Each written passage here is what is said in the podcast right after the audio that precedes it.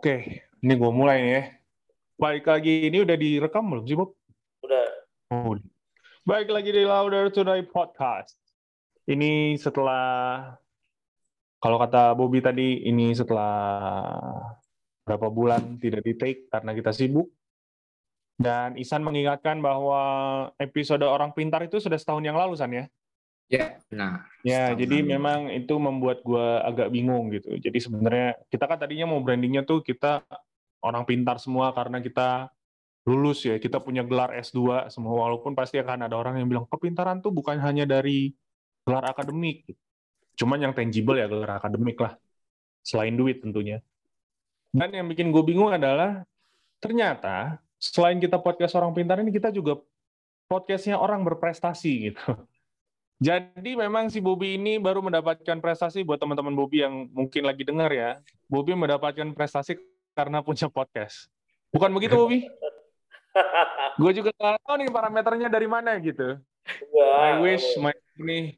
parameter dari waktu itu. Tadi dia, Gitu dia ya. bilang lagi sibuk-sibuk masih sempet-sempet lu bikin beginian gitu Iya, ya. Ya. Betul. Bobby ini kalau super sibuk pegawai teladan.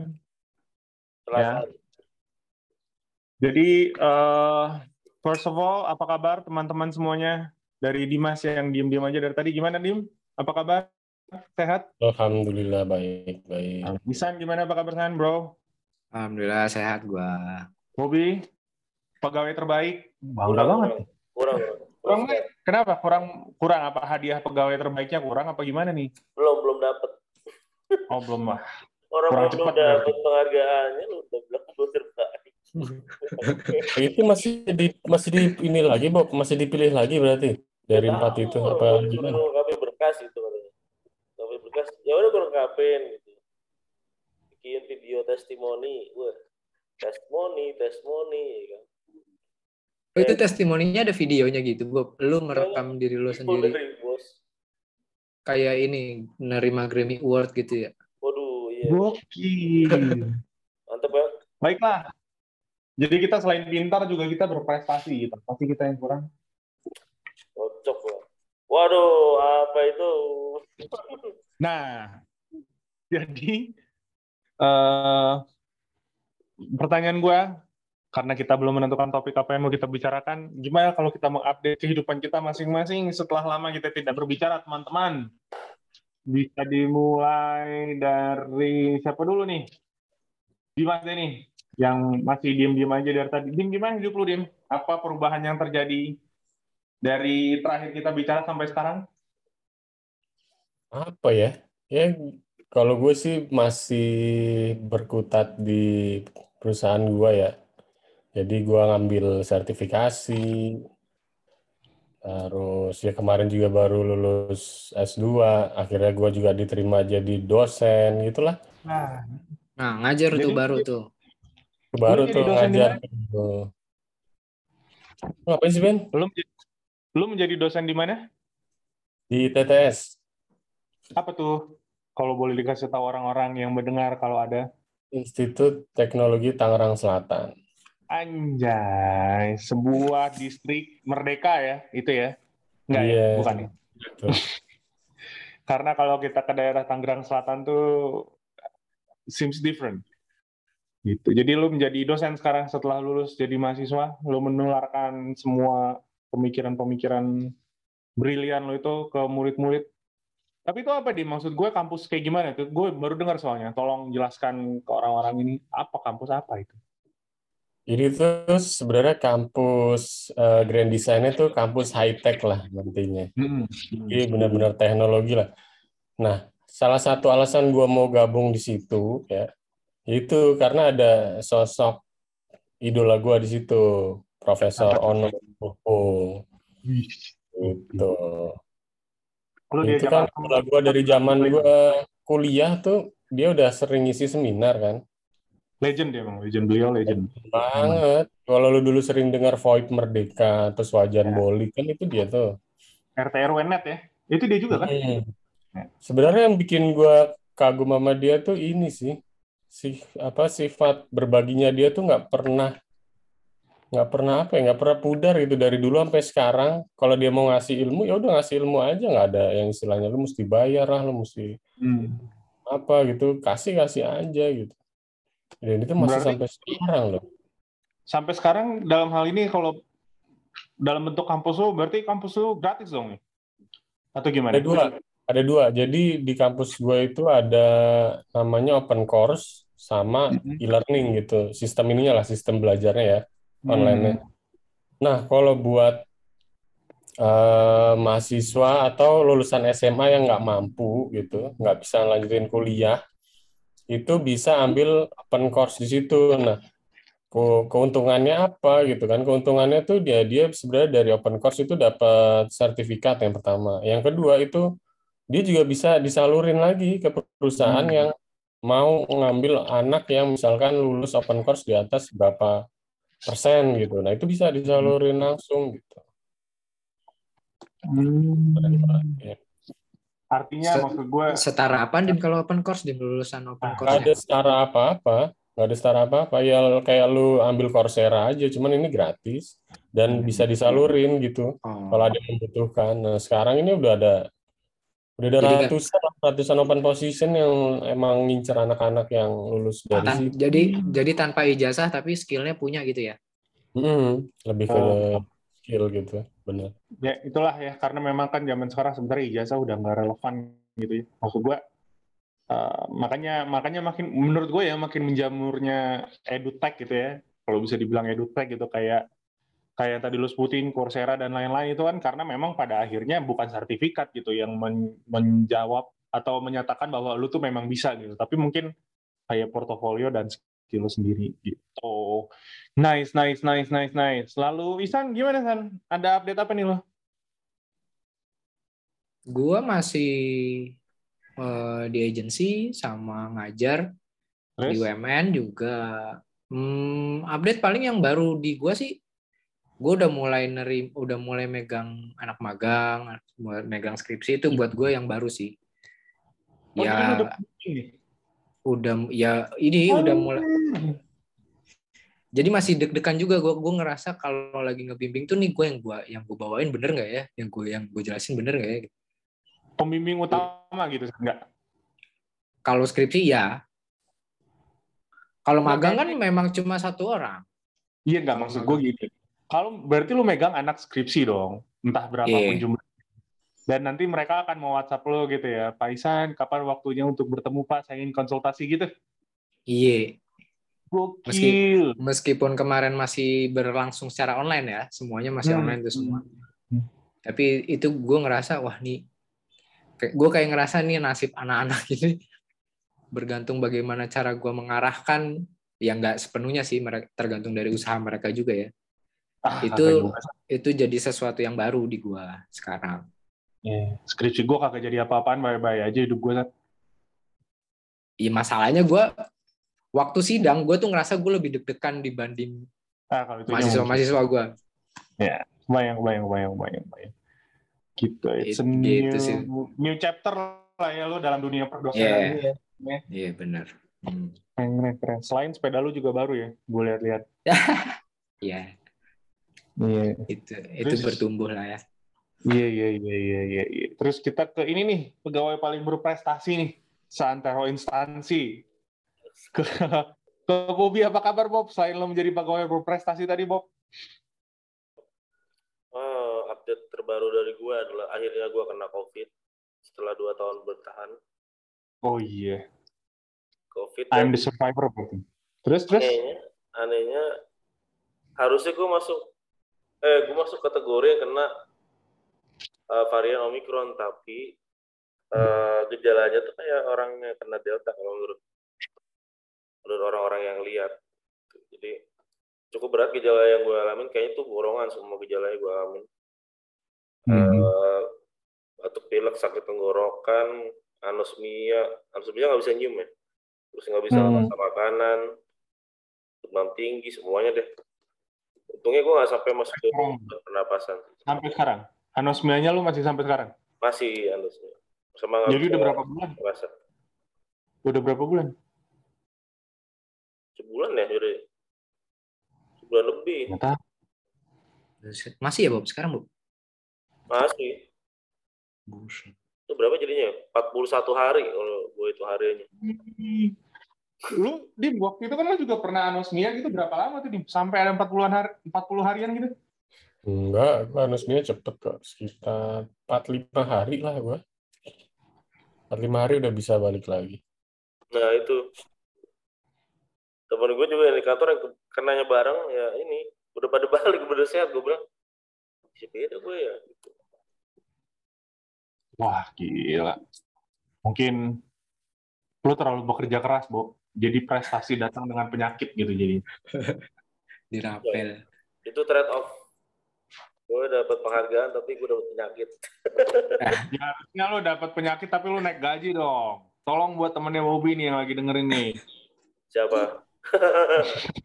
ya, temen gue yang ada. gue Kan berprestasi, Bob. gue naik gaji gue. Begitulah, baiklah itu update dari kita semua. Dulu, lu dulu, Eh, lu, lu, apa? lu juga Ben. Mana? Ya, gue belum ya, sampai lupa gue. Gue sebenarnya tidak ada update yang berarti selain eh, sibuk-sibuk tidak jelas ini ya. Eh, oh, malas lagi ngomongnya. Gak ada sih gue gak ada update yang berarti, men. Bener deh. Lu kan bukannya mulai rapat Kagak, jadi offline, dosen pembimbing kagak. Apa? mulai rapat offline. Mulai rapat offline paling itu itu juga hal yang membosankan ya. Nggak perlu lah itu menjadi dijadikan suatu prestasi gitu ya. Eh, mengajar juga tidak gitu kayak hidup saya yang paling flat di sini. Eh, Ya udah kita Olahraga, ngajar olahraga. aja Pak mulai. Kita mulai ngajar aja. apa?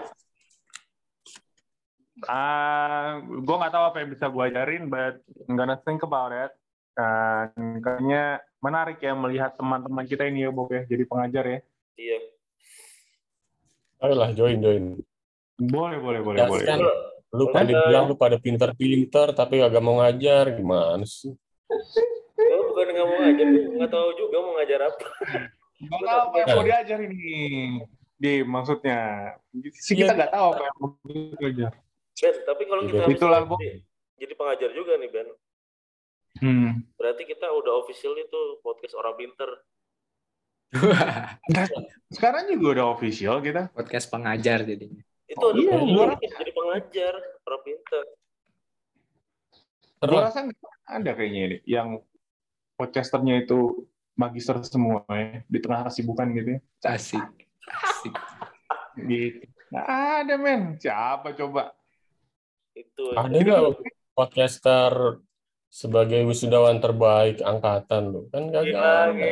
Ada. Yang Gila. podcaster yang IPK-nya 4.00 siapa? Nggak Wih, ada. gila. Yakin gua. Carilah. Kumla, kumlaut, kumlaut. Mau Gila. nggak ada.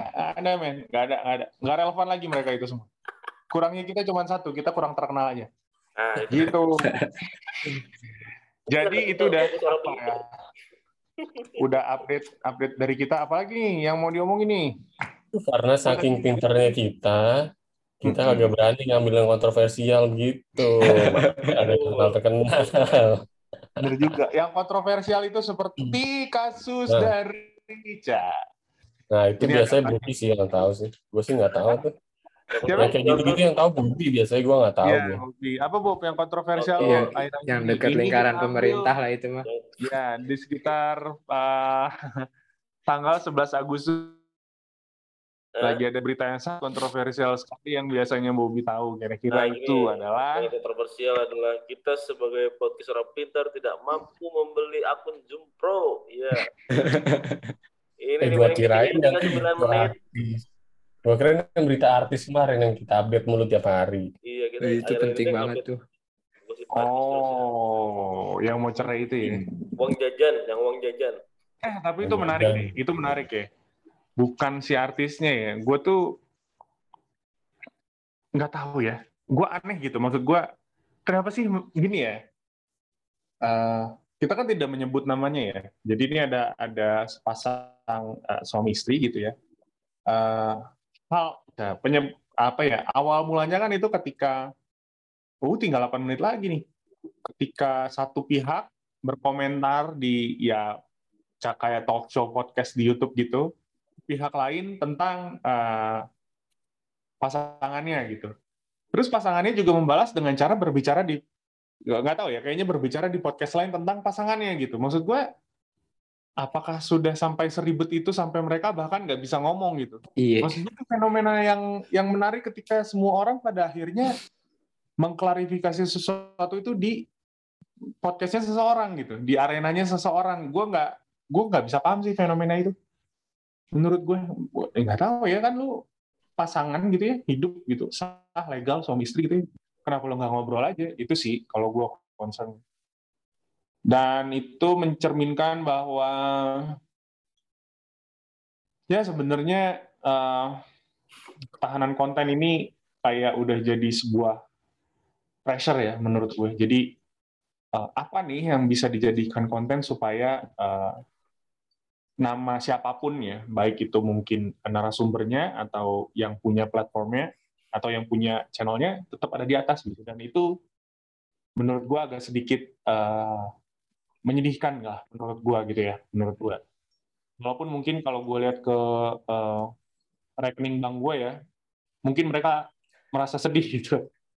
Apa? Uh, sedih? Tetap tajiran mereka gitu, cuman kayaknya uh, cara berkomunikasi yang seperti itu yang gue nggak habis pikir yeah. aja sih menurut gue dan itu gue nggak iya. berbicara soal spesifik artis itu ya tapi maksud gue sering kan kita lihat ya ada masalah datangnya ke sini gitu. Ada masalah ibu sama anak datangnya ke siapa gitu. Ya, lu kan anak lo kenapa lu nggak ngobrol aja gitu? Ada ini ini kalau gue gimana gimana? Ya udah lu dulu Bob. Waduh ya. Ada kok di luar luar luar negeri itu kalau kita lihat di film-film ada konsul konselor rumah tangga ya kalau lu ingat. Hmm. Harusnya di Indonesia juga ada dong, masa nggak ada? Harusnya ada sebenarnya, Bob. Mereka ke sana gitu loh. Ya kan, kalau nggak bisa mengatasi masalah sendiri, butuh orang lain yang benar-benar profesional gitu loh. Mediasi iya. gitu ya. Betul. Tapi lu tahu nggak, ternyata di ilmu psikologi, walaupun lu sekolah psikologi, hmm. dan lu ngambil spesialisasi apa, misalnya psikologi anak, atau misalnya psikologi profesional dalam artian psikolog untuk karyawan, lo tidak bisa berbicara sebagai uh, seorang psikolog anak gitu. Walaupun mungkin basic ilmunya sama, ceritanya mungkin kayak dokter spesialis paru nggak bisa mendiagnosa dokter spesialis apa penyakit, penyakit jantung misalnya, penyakit kulit. atau penyakit kulit. Hmm. Walaupun basic dokternya sama nih, hmm. gitu sih. Gimana nih menurut Dimas? Ini kita lima menit masih mau dilanjutin nggak sini nih? Mungkin baru lagi. Kalau rame part 2.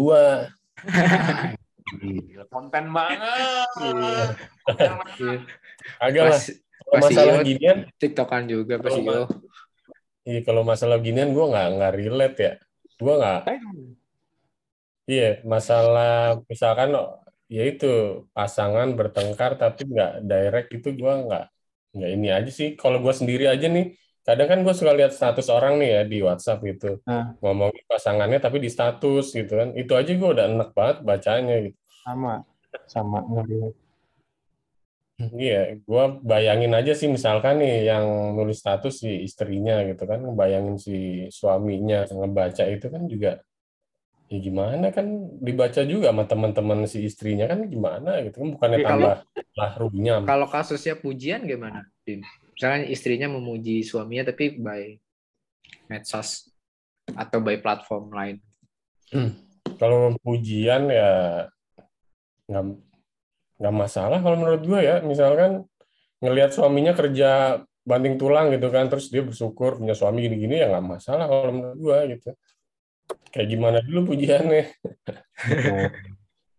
dan nggak nggak hitungannya nggak double standar ya kalau menurut gue kayak gitu. Karena kan berita baik memang apa ya hal baik mungkin dia mau memberitakan yang baik lagi gitu. Cuman kayaknya kalau kalau hal jelek ya sama sih dim. Gue juga nggak relate. Makanya gue kok heran gitu. Lu lu kenapa misalnya ini A dan B nih pasangannya? Si A ngomong ke C si B ngomong ke D gitu. Lalu kan pasangan ya? Kenapa lu nggak ngomong aja gitu? Yang mana akhirnya jadi runyam serunyam runyamnya kan? Heran juga gue kalau gue ngelihatnya sih ini yang ngaitin ke konten ya kalau tadi Benny bilang soal konten hmm. waktu satu fenomena naik biasanya nih di logaritma sosmed pun juga akan narik nih kalau kayak kalau gue bahasnya sosmed tuh ya Twitter apa Instagram TikTok YouTube gitu itu biasanya akan berkaitan tuh. Yang paling yang paling kerasa kemarin mungkin lo pada nggak juga waktu uh, Citayam Fashion Week itu. Itu kata-kata Citayam Fashion Week akhirnya bener-bener nyantol ke mana-mana. Jadinya ya memang kontennya orang-orang berburu ke sana semua tuh. Kalau dari sisi kontennya ya. Tapi kalau dari sisi personnya yang uh, mengatasnamakan masalah sebagai sebuah konten ya memang mungkin yang utama sebenarnya ada di orangnya, komunikasi interpersonalnya.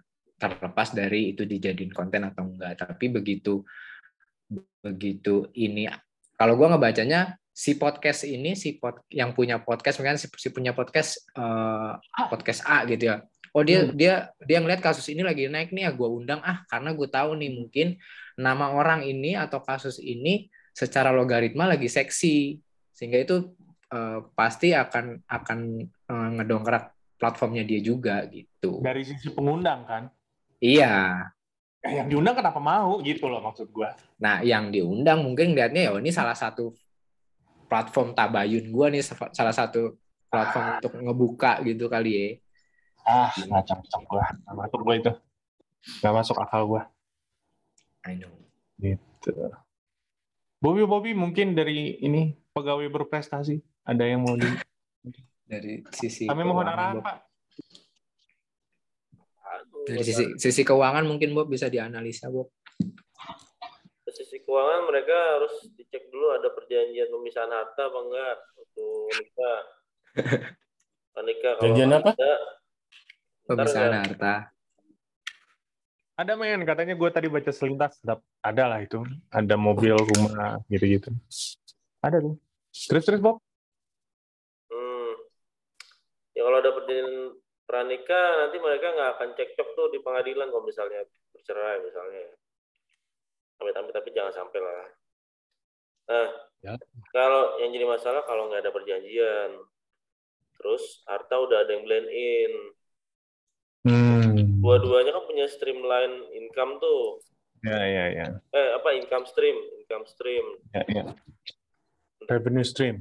Siapa tahu jadi udah ada aset-aset yang sifatnya bersama. Wah itu ribet banget, harus ngurusin harta gue gini gitu. Ya siapa punya siapa, haknya siapa, haknya siapa itu akan costly banget, makan duit juga karena akan ada pengeluaran dari uh, apa uh, bayar fee-nya pengacara dan sebagainya gitu. Itu sih. Tapi waktu kita ya. satu menit nih harus bikin room baru. Oke. Oke, Lukas. Baiklah. Kan lagi kita bikin room baru.